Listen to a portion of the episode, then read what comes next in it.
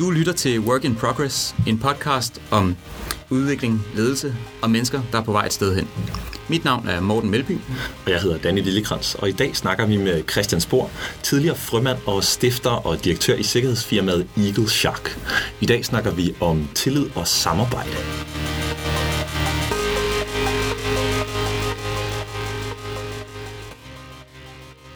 Velkommen til, Christian. Mange tak. Det var dejligt, du ville komme ind i vores øh, lille studie her og, øh, og tale med os. Det glæder vi os til. Jeg har kigget lidt på, øh, hvad du har lavet tidligere, og øh, som Daniel også nævnte, så har du øh, i dag sikkerhedsfirmaet Eagle Shark. Og vil du ikke øh, fortælle lidt om, hvad I laver der? Det lyder meget spændende, synes jeg. Jo, selvfølgelig, det vil jeg gerne. I, øh, i Eagle Shark, i dag kalder vi Eagle Shark Group, fordi vi, er, vi har flere virksomheder. Men oprindeligt uh, Eagle Shark, uh, Eagle Shark AS er en uh, efterretningsvirksomhed, som der, uh, der hjælper virksomheder med uh, efterforskning og observation. Og uh, det kunne typisk være i, uh, i sager med kundeklausul, udfordringer eller konkurrenceklausul, eller uh, bekæmpelse af kopivarer. Okay. Og så hjælper vi øh, i forhold til rejsesikkerhed med rådgivning og, øh, og kursus, og også hvor vi tager med og øh, passer på folk, når, vi, når de rejser rundt omkring. Og den sidste del i øh, den virksomhed, det er, det er terrorforebyggelse, hvor vi hjælper med rådgivning og, og fysisk sikkerhed her. Okay.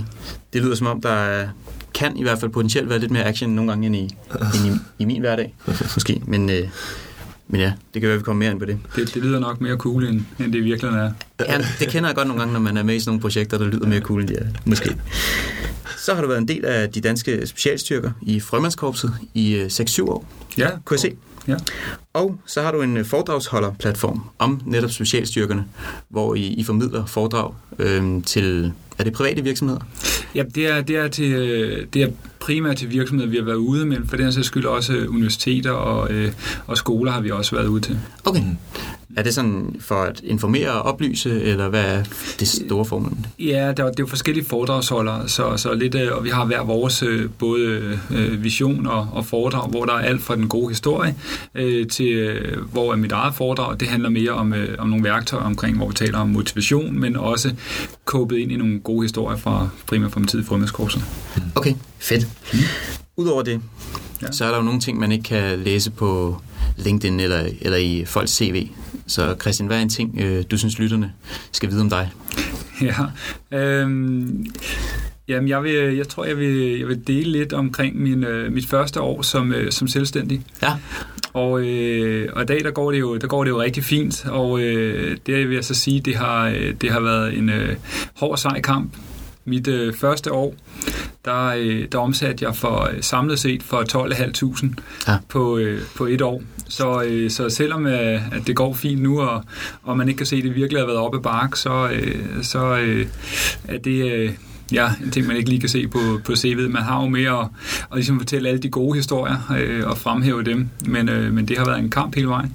Fedt. Mm. Ja, det, de fleste iværksættere, jeg taler med, de har sådan nogle der ja. sjove historier, men det er typisk ikke dem, medierne er interesseret i at, at hive frem, vel? Nej. Så det er sådan nogle, vi deler, når vi...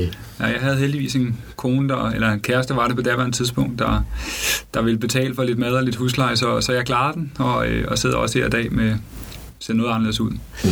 Jamen, det, det er godt, det går den vej i hvert fald. Ja. Det er vi glade for. Ja, tak. Jeg tænkte på, om vi ikke skulle starte, fordi vi hører tit folk tale om tillid, og også nogle gange, at det er sådan en begrænsende faktor for nogle teams. Ja. Så oplever jeg, at, at hvis vi taler om kommunikation eller feedback, at de så siger, jamen vi har jo heller ikke en tilstrækkelig grad af tillid. Så det bliver sådan meget brugt øh, bredt, det her begreb. Hvad betyder tillid for dig, Christian? Tillid, det er også et et bredt begreb i min verden, øh, men, men øh, hvis jeg skal putte et, øh, et ord til, som jeg synes, der beskriver det, så er det, øh, så er det sårbarhed. Altså turde at, at vise, at man er sårbar. Det, er, øh, det mener jeg er kernen for at opbygge øh, gode tillidsrelationer til hinanden. Okay. Er det, hvordan, hvis nu vi siger, at øh, at den køber vi ind på, og vi vil gå i gang med det her, i, ja. øh, for eksempel på vores arbejdsplads. Ja. Hvordan kunne man så gøre det, synes du? Ja, altså det kan man gøre på, på forskellige måder. Man kan både hyre nogle konsulenter udefra til at hjælpe en med at komme, øh, komme i gang, og, øh, og så kan man ellers, øh, man kan selvfølgelig også gøre det, hvor man sådan selv prøver, og mit bedste råd, det er egentlig, at folk de er, er ærlige, og, øh, og ikke, øh, hvad skal man sige, har for mange parader oppe, men to at vise, hvem er man i virkeligheden, også de svage sider, man, man nu engang har. Og, øh, og det er, øh, og det har alle sammen, alle mennesker har jo svaghed. Der er ikke nogen af os, der er perfekte, eller supermænd, eller superkvinder. Øh, og det er, det er noget af det, som, som jeg mener, der skal til, det er at turde vise, hvem man er, øh, både positivt og negativt. Ja. Hvordan, øh, for eksempel i frømandskorpset. Ja. Er der noget, man arbejder sådan struktureret med der? Mener nej, nej, det vil jeg ikke sige, ikke bevidst, øh, men, men så alligevel jo. Øh, I og med, at man bliver udsat for ekstrem hårdt pres, og øh, du arbejder sammen i et team, og, og øh, det her med, at man ikke er svag, eller at man ikke er stærkere end det, det svageste led, øh, det betyder, at man, øh, man kender hinandens sårbarheder, man kender hinandens svage sider, og man kender hinandens styrker, og, øh, og hele teamet skal igennem. Så, øh, så på den måde, så, øh, så bliver man nødt til at stole på hinanden, hjælpe hinanden og, øh, og vise tillid til hinanden, og også til at starte med måske ufrivilligt øh, bede om hjælp, men simpelthen når nogen fra teamet kan se, nu, øh, nu hænger man i bremsen, og, øh, og så, må man, øh, så må folk komme og hjælpe, og øh, og der vil jeg sige, at der lærer man sådan øh, efterhånden at bede om hjælp, og man lærer efterhånden også at byde ind til dem, man kan se, der, der hænger af bremsen, og det, det har vi alle sammen prøvet, fordi at vi har hver vores styrker og, og øh, gode dage og dårlige dage. Så, så det kommer øh, gennem benhård træning og, og udfordringer, øh, men egentlig ikke noget, som bliver talesat, øh, og noget, man siger, nu er det det her, vi træner, men det kommer helt af sig selv ud for, for de udfordringer, man bliver sat overfor. Og hvordan, hvordan gør man så det, når man tager de erfaringer med over i øh, private virksomheder. Ja. Fordi det genkender jeg bare så meget, det der med, at det er svært at bede om hjælp. Ja. Det er en meget konkret lille ting. Ja. Sindssygt svært for rigtig mange. I frømandskorpset, der sker det, fordi der er benhårde omstændigheder. Ja. Hvad gør man i virksomheder? Ja, nu har jeg jo egentlig ikke været ude rigtig øh, i nogle virksomheder og arbejde før hele mit, øh, hele mit liv. Det, øh, jeg gik til soldat, plejer at sige til mine børn, og efterfølgende så bliver jeg selvstændig. Man kan selvfølgelig sige, at jeg har min egen virksomhed i, øh, i dag, og, øh, og jeg er selvfølgelig stor berøringsflade med, med mange andre virksomheder også. Øhm, men jeg, jeg ser faktisk ikke, øh, det jeg ser er, at man direkte arbejder med det. Jeg ser, at der er nogle steder, der fungerer det, der fungerer det fint, og det tror jeg mere skyldes øh, individerne, mm. øh, hvordan de er, øh, end, øh, end en konkret øh, direkte, hvor folk de simpelthen putter energi og, og uddannelse og træning omkring det her med at, at, at bygge god tillid til hinanden. Mm. Jeg ser faktisk øh, nogle steder, vi arbejder også som, som eksterne og tit ude og laver noget research i de her forskellige organisationers hverdag. Og jeg ser faktisk lidt en tendens, jeg ved ikke om det er en tendens, jeg har kun været i, i gamet i relativt kort tid, men at folk er bange for, altså der er ikke kutyme ja. på mange arbejdspladser for, at det er i orden at sige, øh, det her ved jeg for eksempel ikke. Ja. Vi kender det lidt fra, både fra en i forsvaret og fra HR. Der er mange sådan forkortelser. Øh, performance management eller et øh, LMG eller et eller andet fra, fra forsvaret, som der er mange folk, der ikke forstår. Mm. Og det har jeg prøvet tusind gange ikke tusind, måske 20 gange i møder, at folk sidder og bruger nogle termer, mm. Og sådan en ting som for eksempel at spørge ind til, hvad er det egentlig det, der betyder, når du siger det. Der er mange, der bare sidder og nikker, mm. hvor jeg fornemmer, jeg tror ikke rigtigt, vi er helt på samme bølgelængde her. Og det synes jeg i hvert fald er et godt eksempel på, at, at det med at bede om hjælp, eller vise sin sårbarhed, vise sin uvidenhed. Hvad, hvad er HR? Ja, hvad er HR for eksempel? Lige præcis. Ja, ja. Rigtig godt eksempel. LMG ved vi godt, men HR, det er det Ja, det, ved, det, det er vi nogle os, der ved i hvert fald. Præcis. Ja. Hvordan kan man jeg har hørt på et tidspunkt, jeg tror faktisk, det var i forbindelse med noget snak om, om specialstyrkerne, ja. det her med, om man kan have en professionel tillid, uden at være gode venner, mm. for eksempel. Mm. Øh, og det tænker jeg måske også er meget overførbart til virksomheder. Mm. Kan man have fuld professionel tillid til en kollega, uden at, lad os sige, at vi er slyngvenner, og vi hænger ud i fredagsbaren eller ses privat? Mener du, at man, at man kan det? Ja, det mener jeg bestemt godt, man kan. Øh, og det vil jeg også gerne uddybe, men, men jeg vil lige starte med at sige, at jeg ikke også genkendelse der i forhold til, at man ikke tør at... Nu brugte du et, øh, et eksempel med, med forkortelser, det kunne være alt muligt andet, og det, øh, jeg ved ikke, om det giver god mening. Øh, det gør det ikke, når man ligesom kender, øh, hvad det, hvordan man ligesom åbner op, og, og hvad det, hvad, det har vi sårbart, hvad det egentlig betyder i forhold til et team og anerkendelse. Men, men jeg tror, det er meget naturligt, at man er bange for at, øh, at vise sine sårbarheder, fordi man er måske bange for, at, at det bliver misbrugt mod en. Det er bare sjældent, at det i virkeligheden hænger sådan sammen, når man så egentlig åbner op. Men, men det er så en anden, en anden snak. Øhm, og i forhold til... Øh, Øh, ja, undskyld, nu kommer faktisk, nu taler mig selv ud af det. Hvad var det? Det var den, profe- den professionelle tillid her. Kan den være ja, ja, ja, det er rigtigt. Ja. ja, ja, det mener jeg absolut, fordi øh, i, man kan sagtens have tillid til, til en person i, øh, og det behøver ikke at kun at være professionel, det kan også godt være privat, men i en vis kontekst. Men det betyder ikke, at jeg nødvendigvis har tillid til personen til at personen må passe mine børn for Nej. eksempel. Og, og det gør sig på samme måde også gældende i, på, i, en arbejdsrelation. Det er, at man kan sagtens have fuld tillid i en arbejdsrelation, øh, men rømmer sig over i en anden kontekst, som eksempelvis kunne være privat, at han skulle holde en til pensionsopsparing, så er det ikke sikkert, at jeg vil have tillid til det. Mm. Så, så det kommer selvfølgelig an på, hvad man, i hvilken grad eller i hvilken kontekst man, man, man spørger om tillid. Så, så det synes jeg godt, man kan dele op i den forstand. Så man kan godt arbejde med det sådan i forskellige ja, arenaer? Ja, det kan, kan, kan man sige. Man. Det okay. synes jeg godt, man kan. Ja. Det minder mig lidt om det der som øh, man har hørt, øh, jeg tror det var øh, podcasten fra Adam Grant, der snakker om, at man har character trust, mm. og så har man, hvad kan man sige, sådan resultat øh, tillid. Mm. Altså tillid til, at en person kan løse et eller andet til et vist niveau, og tillid til en persons etik, moral, altså karaktertræk. Mm to helt forskellige grader af tillid på en eller anden måde. Jeg synes, det er meget interessant, og det nuancerer tillid lidt for mig, fordi på arbejdspladsen, så de første, øh, de første lange stykke tid for mig handlede om at stole på medarbejdernes kompetencer. Ja. Og når jeg stoler på dem, så er det nemt at indgå i hverdagen. Ja. Men i fredagsbarn er det noget andet. Jamen, det er sjovt, for jeg, jeg ved nemlig, eller jeg kunne genkende, da jeg hørte det her første gang, at jeg er meget øh, i, i relationen. Mm. Altså, at jeg kan mærke, at hvis jeg synes, at en person har øh, værdier, der stemmer overens med mine egne et eller andet sted, og jeg føler, at jeg stoler på dem, og jeg kan se, at de styrer efter en eller anden form for kompas, som, øh, som jeg kan ikke genkende til, så har jeg lettere ved at mm. have grundlæggende tillid. Og det, det rammer da også nogle gange, altså bliver en bagkant for mig.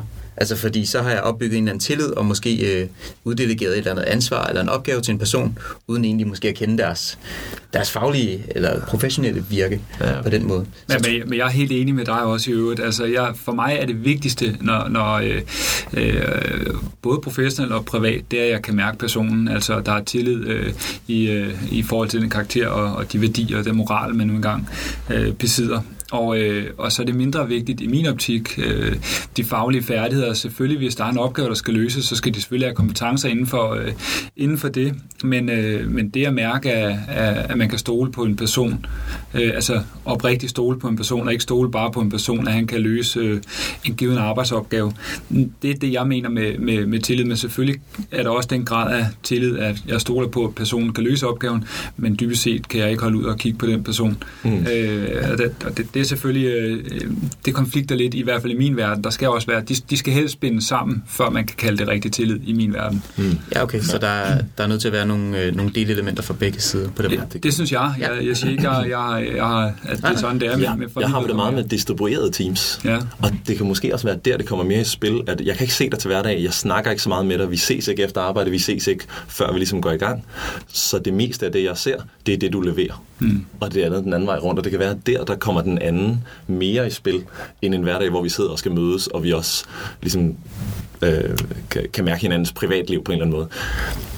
Ja, men, øh, men uanset hvad, så skal man jo stadig stole på, at personen holder de aftaler, personen har, har sagt, at personen vil gøre osv. Det er jo også tillid til personens karakter. Præcis. Ja, jeg, jeg synes, det er interessant lidt, at vi, øh, vi får nuanceret det her. Det kan jeg egentlig meget godt lide, for ja. jeg oplever nogle gange, at tillid bliver behandlet som sådan en binær størrelse. Mm. Enten er det der, eller også er den der ikke. Ja. Og det synes jeg egentlig nogle gange er sådan en, en meget flad debat øh, på den måde, ja. kan man sige. I forhold til ikke i dag at være i frømandskorpset, men at være civil ja. af erhvervsdrivende. Mm. Hvad savner du egentlig mest fra det at arbejde i frømandskorpset? Jeg savner meget øh, for frømandskorpset øh, jeg savner, øh, jeg savner teamet, jeg savner, jeg savner øh, kollegaerne og, og, og vennerne vil jeg også sige. Det er jo ikke alle, man, var, man nødvendigvis er venner med, men, men det savner, så savner nogle spændende oplevelser. Det har jeg også i hverdagen i mit eget arbejde, men det, jeg uden sammenligning har jeg, har jeg aldrig nogensinde haft så spændende et arbejde, så spændende en tid, sådan rent personligt i hvert fald. Og, øh, og så har det også været øh, øh, noget af det, som, som, øh, som jeg i hvert fald øh, jæger, det er den her personlige udvikling, og det har været en super stejl kurve for mit vedkommende inde i, inde i frømandskorpset. Øh, det har jeg så fået nu på den anden side af, af hegnet. Øh, nu fortalte jeg lige før en lille finurlig ting, eller sjov ting, blandt andet mit første år som, som selvstændig, og hele den øh, rejse som selvstændig har også været super lærerig. Men, øh, men jeg savner rigtig, rigtig mange ting. Når det så er sagt, vil jeg også skynde mig at sige, at øh, jeg har ikke fortrudt, at, at jeg selv har valgt at stoppe, og, og nu har et andet liv. Øh, men, men jeg savner det. det Hvad var det for en proces? Øh, nu har jeg selv prøvet at være i nogle, nogle teams eller nogle kulturer, som jeg har forbundet mig til sådan meget, altså både investeret personligt og privat og, ja. følelser øh, i. Hvad var det for en proces, du gennemgik i den periode, hvor du overvejede at og så til sidst valgte at stoppe i frømandskorpset? Det var en benhård proces. Øh, for det første skal man huske på, hele optagelsesprøven i frømandskorpset, det kræver øh, afsindig meget. Og jeg tror ikke helt, man kan forstå, hvad det kræver, før man egentlig selv har prøvet det. Øh, men men øh, hele min identitet var ligesom øh, lagt op på det her, lidt ligesom professionel fodboldspiller, håndboldspiller eller andet. Så, så, så det var en stor del af, af selv, og en stor del af min øh, identitet. Og øh, derudover, når jeg så skulle stoppe i frømandskorpset, som, øh, nu bruger jeg et stærkt ord, men, men jeg elskede mit arbejde, jeg elskede øh, øh, den, øh, den rolle, jeg havde, det korps. Jeg har store følelser til, til, til alt det, der ligesom er forbundet med, med frømandskorpset. Andet end jeg bare synes, det var en sjov arbejdsplads. Og øh, under elevskolen, eller øh, som der er uddannelsen på frømandskorpset, der kan man til enhver tid sige op. Det vil sige, at man har en rød hjelm på, den kan man tage af, og, øh, og så kan man sige, nu vil jeg ikke mere, og så kan man ellers blive kørt hjem og spise pizza og slappe af. Så, øh, så hele vejen igennem slås man hele tiden med denne her, okay, det er, det, det er ikke sjovt, det er koldt, jeg er sulten, og hvad det nu kan være, men jeg bestemmer jo egentlig selv. Jeg kan jo bare sige stop, så stopper jeg. Og den følelse sidder man med, når man skal stoppe i fremmedskort, fordi det er så indgroet ind, at man altså ikke må give op. Mm. Så den følger dig igennem? Ja. ja, det gør den, og det vil sige, det var en voldsom konflikt. Øh, og for at, øh, nu snakker vi lidt om sårbarhed, så vil jeg gerne dele noget, øh, prøve at være lidt sårbar her, og også dele det med, med jer lytterne. Øh, da det ligesom gik op for mig, at nu skulle jeg stoppe, der havde jeg ikke sagt det til nogen i frømandskorps eller øh, venner eller familie, der, øh, der græd jeg rent faktisk, øh, fordi det var så, øh, så følelsesmæssigt svært for mig øh, at tage den her beslutning. Men der, der vidste jeg, nu er det et spørgsmål om tid. Nu har jeg truffet beslutningen, og så var der så nogle ting, der ligesom skulle falde på plads, og, og jeg skulle lige gå og tænke over det. Øh, det brugte jeg så nogle måneder på, øh, og en udsendelse. og, øh, og, øh, og så fandt ud af, okay, nu er det nu. Og, øh, og så, så stoppede jeg så, og egentlig uden at have noget som helst på, på den anden side, og øh, sige, nu skal jeg i gang, og det er nok også det, der afspejler lidt øh, omsætning, og jeg skal også være ærlig at sige, det var øh, udover, det var svært at bygge virksomhed op, det i sig selv, jeg ikke engang vidste, hvordan man åbnede CVR-nummer, så øh, skulle jeg også finde mig selv. Og øh, og hvad skulle jeg, øh, og hvor skulle jeg hen af. Øh, og det, øh, kigger tilbage, så var det, jeg, jeg, jeg ved ikke, om man vil sige, at jeg havde en depression, men i hvert fald, jeg havde en svær tid for at være, være helt ærlig mm. øh, omkring, hvad skulle der ske herefter. Var det, øh, var det sådan bevidst, at det blev et, nu siger jeg sådan et skarpt snit, altså at du stod øh, med en følelse af, af sådan... Øh, øh, tomhed, efter du gik ud fra hegnet? Altså var det bevidst, at du ikke havde blandet det sammen og begyndt at, Altså, mm, ja, øh, jeg havde ikke forudset, at jeg kunne skulle omsætte for 12.500 som, som selvstændig, så, så det var bevidst, at jeg skulle være selvstændig. Øh, eller det, det havde jeg i hvert fald en idé om, og et ønske om, og havde haft det i rigtig mange år, også inden jeg var inde i frø, tog ind i frømandskorpset. Så, så det var egentlig lidt en drøm, hvor jeg tænkte, nu er det nu, øh, nu skal jeg, skal jeg prøve det her, øh, uden egentlig at vide præcis, hvad er det så, jeg vil lave, og hvordan, og hvorledes. Så, og jeg er nok lidt typen, der, øh, eller ikke lidt, jeg er typen, som, som der ikke undersøger så mange ting og forbereder mig så meget, at man egentlig hopper ud i det, og, øh, og så får tævne undervejs, og så lærer, lærer de tæv heldigvis relativt hurtigt, øh, øh, og så lærer, hvis det er i samme øh, terminologi, og så lærer at slå tilbage, eller, eller hvis det er ude på dyb vand, så lærer hurtigt at svømme. Så, øh, så det var den, øh, for min natur en, en, øh, den rigtige måde at gøre det på, at sige, nu er det det her, jeg vil, og så skal der ikke være sikkerhedsnet, så bliver jeg nødt til at, at finde ud af det, og, og, og gøre det hurtigst muligt, fordi man kan ikke blive ved med at, at leve ingenting at skabe den der brændende platform. Ja, ja. det er rigtigt. Det minder mig faktisk lidt om øh, første gang, kan jeg huske, øh, jeg blev konfronteret med det der, og, og det her med at gå selvstændig. Det var, da jeg var hjemme i, øh, jeg kommer fra Jylland, ja. og, øh, og der øh, var det måske forudset, at jeg var en, øh, en god dreng, der havde gjort, som, som man godt kunne tænke sig, og jeg læste en uddannelse på universitetet og sådan noget, og lige pludselig kommer jeg hjem forestiller mig, familien synes i hvert fald. Lige pludselig kommer jeg hjem og siger, jeg dropper ud af min uddannelse. Øh, jeg laver det her firma, har jeg tænkt mig, jeg har en sådan lidt idé om, hvordan det skal være. Øh, jeg tjener ikke nogen penge, og jeg har aldrig været mere motiveret for at stå op om morgenen. Og jeg kunne bare se i øjnene på mine, øh, særligt de lidt ældre familiemedlemmer, at de lignede, de havde set et spøgelse eller, eller et eller andet. Det er klart. Så, så det her med at kaste ud i tingene, det, det er også en fremgangsmåde, jeg godt kan lide. Ja, jeg vil sige, jeg vil heller aldrig råde mine børn til det. Nej, det er fedt, ikke? Det er paradoxalt. Ja, ja. dobbeltmoral. Men... Den sårbarhed, som du sidder og deler lige nu, den får mig til at tænke på, øh, det er jo det, der virker når man sidder ude i virksomhederne. Ja. Det er at ture gøre det, du lige gjorde. Kan man træne det? Ja.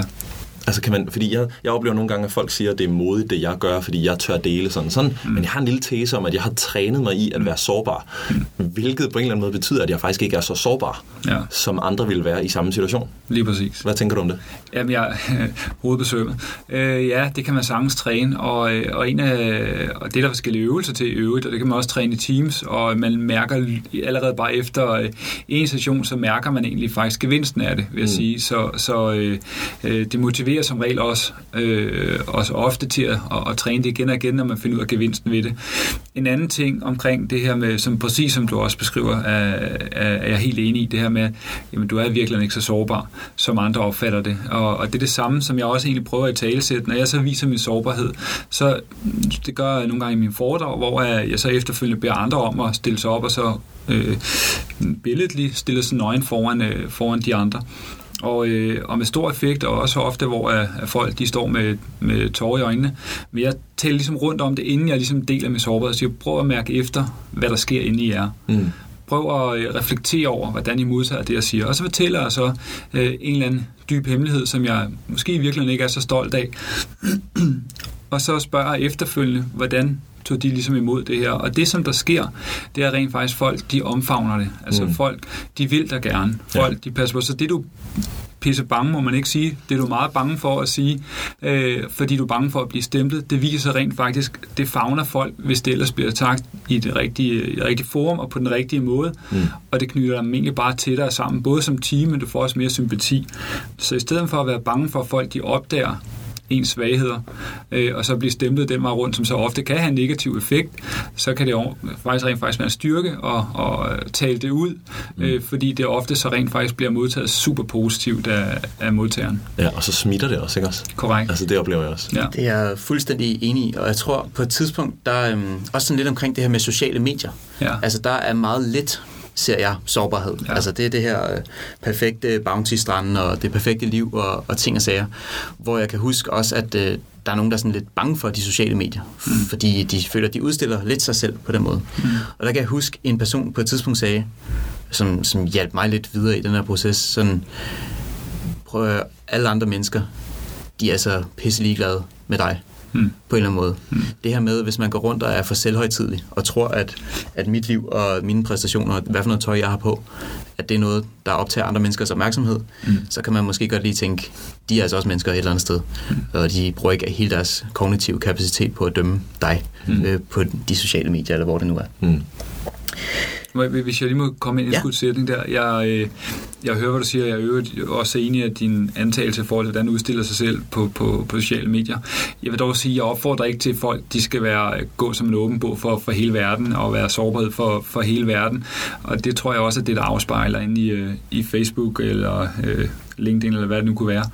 Øhm, så, så der synes jeg egentlig, det giver god mening, at man udstiller den side, man gerne vil have, at folk ser. Lidt på samme måde i øh, sådan generelt, når jeg snakker i øh, arbejdsrelationer. Øh, der mener jeg heller ikke, at man bare skal lægge sig fladt ned, men det mener jeg absolut, man skal gøre i forhold til det team, du arbejder tæt sammen med, hvor det er super vigtigt at have tillid. Men jeg mener ikke, at, at, at hele ens organisation, x tusind mennesker, behøver at vide ens dybeste hemmeligheder. Og det handler om også, sådan underemnet her er også grænsesætning. Ikke? Ja. Altså det er jo sindssygt vigtigt at kunne finde ud af at sige, Ja. Hvad skal alle vide, og hvad skal alle ikke vide. Præcis. For så mister man sig selv i det. Der er også noget med, at det er værdibart på en eller anden måde. Altså ja. det her sårbarhed. Ja. Så hvis dit team føler, at det siger du også til hele verden, ja. eller til hele nationen, ja. hvorfor er det så specielt for os? Hvorfor skal vi føle os øh, særligt set? Ja. Øh, det tror jeg i hvert fald, du har fuldstændig ret i. Tak for øh, lige at præcisere det. Hvilken sammenhæng, vi kan jo godt lide at tale om feedback, Danny. Det siger vi tit, ikke? Ja. Hvilken sammenhæng, Christian, ser du med det her med at give feedback til sit team eller sine kollegaer, og så det med at opbygge tillid? Mm. Jamen, jeg, øh, det behøver ikke at hænge sammen, vil jeg lige starte med at sige, i min verden. Øh, man kan godt give, øh, give feedback, men når det så er sagt, så øh, god feedback, ærlig feedback, den, øh, den, den tror jeg er rigtig svær øh, i et team, hvis der ikke er tillid til hinanden. Så min erfaring er, at en feedback ofte bliver lidt vag, øh, og, øh, og ikke, så, øh, ikke så konkret og direkte. Øh, måske omkring de positive ting, jo, det kan de fleste mennesker godt finde ud af at sige til hinanden, men det som altså de forbedringspunkter, som i virkeligheden i min verden er mindst lige så vigtige som de positive ting, når man giver en feedback, øh, det, det, øh, det bliver ofte øh, enten ikke eksisterende eller meget vagt, hvis der ikke er tillid i, øh, i team. Okay, det kan jeg faktisk godt øh, genkende, den diskussion, øh, det her med, hvad kommer først? Det diskuterer vi nogle gange på workshops. Mm. Skal man starte med at give åben og ærlig god feedback, mm. og så bygge tillid gennem det? Mm. Eller skal man forvente, at man kræver en vis grad af tillid, før man kan komme i godt i gang med at bruge feedback på en rigtig konstruktiv øh, måde? Ja, der tror jeg det sidste. Det tror jeg er ja. min overbevisning. Okay. Ja. Men også fordi man skal have tillid til, at intentionen er god. Ja, Altså, der, der er jo nogle forskellige øvelser, hvor man, man ligesom kommer ud over det, men korrekt, jeg er helt enig, det, det er jo, og sådan tror jeg, de fleste mennesker har det, lige snart de får en, en konstruktiv feedback, så er det op med paraderne. Ja.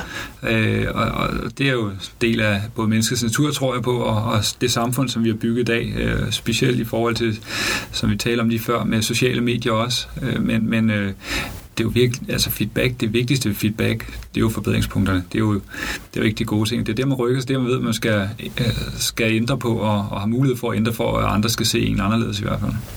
Det kunne vi snakke længe om, fordi jeg tror også, jeg har en lille, en lille øh, sådan alternativ holdning øh, ja. til det. Men, Men den vil vi gemme til en anden gang, tror jeg. Så derfor vil jeg lige springe videre til. Hvis nu vi siger, Christian, at der sidder nogle ledere herude, en eller anden, der leder for et team, og synes, at det her det har været en øh, spændende episode af en podcast, mm. og synes, det giver god mening, det vi taler om. Mm. Hvad vil dit råd være til ham i forhold til at arbejde med tillid og øh, samarbejde i hans team? Eller hendes? Ja, så ligesom så mange andre ting, så, så øh, mener jeg, at tillid det er også en god ting at, at starte oppefra. Så, øh, så egentlig tog og, øh, og vise sårbarhed. Øh, jeg er godt klar over, at som, øh, som leder ønsker man gerne at, at vise, at man er stærk, men, men altså, som jeg sagde øh, tidligere i, i øh, det her, der, er, der er ikke nogen mennesker, som der er perfekte og supermænd. Vi alle sammen har nogle svage sider, og det er ok at, at vise dem. Så mit bedste råd er i virkeligheden er at, at at være ærlig, at være sig selv i øh, så stor udstrækning, det, øh, man nu kan være det. Jeg er godt klar, at man tager en eller anden form for, for uniform eller maske på i en arbejdsrelation kontra at være hjemme i stuen i, i underbukser lørdag aften. Men, øh, men mit råd er at være, være ærlig og turde vise, vise sårbarhed. For det, der også sker helt automatisk mennesker, det er rent faktisk, når øh, man giver noget til en anden, om det er fysisk, eller øh, i det her tilfælde noget, man, man, man viser eller i talesætter omkring sårbarhed, så skylder det andet menneske, og, og det ved det andet menneske øh, mm. ubevidst. Det er rigtigt. Mm. Vi arbejder med det som social kapital. Ja. Det her med, at man, man får en eller anden form for skyldfølelse, og man vil gerne give igen, øh, så man står i ligevægt på en eller anden ja. måde i sin relation. Ja. Hvad så, hvis vi siger, og det kan jo være, at der er en forskel. Det kan være, at der ikke er en forskel. Hvis nu det er en medarbejder i et team. Jeg er ikke lige ham, der bestemmer dagsordenen eller retningen her i teamet, men jeg synes, vi kunne godt bruge noget mere åbenhed, sårbarhed og en større tillid i teamet. Hvad, øh, hvad kunne man gøre som, som menig medlem i... Øh?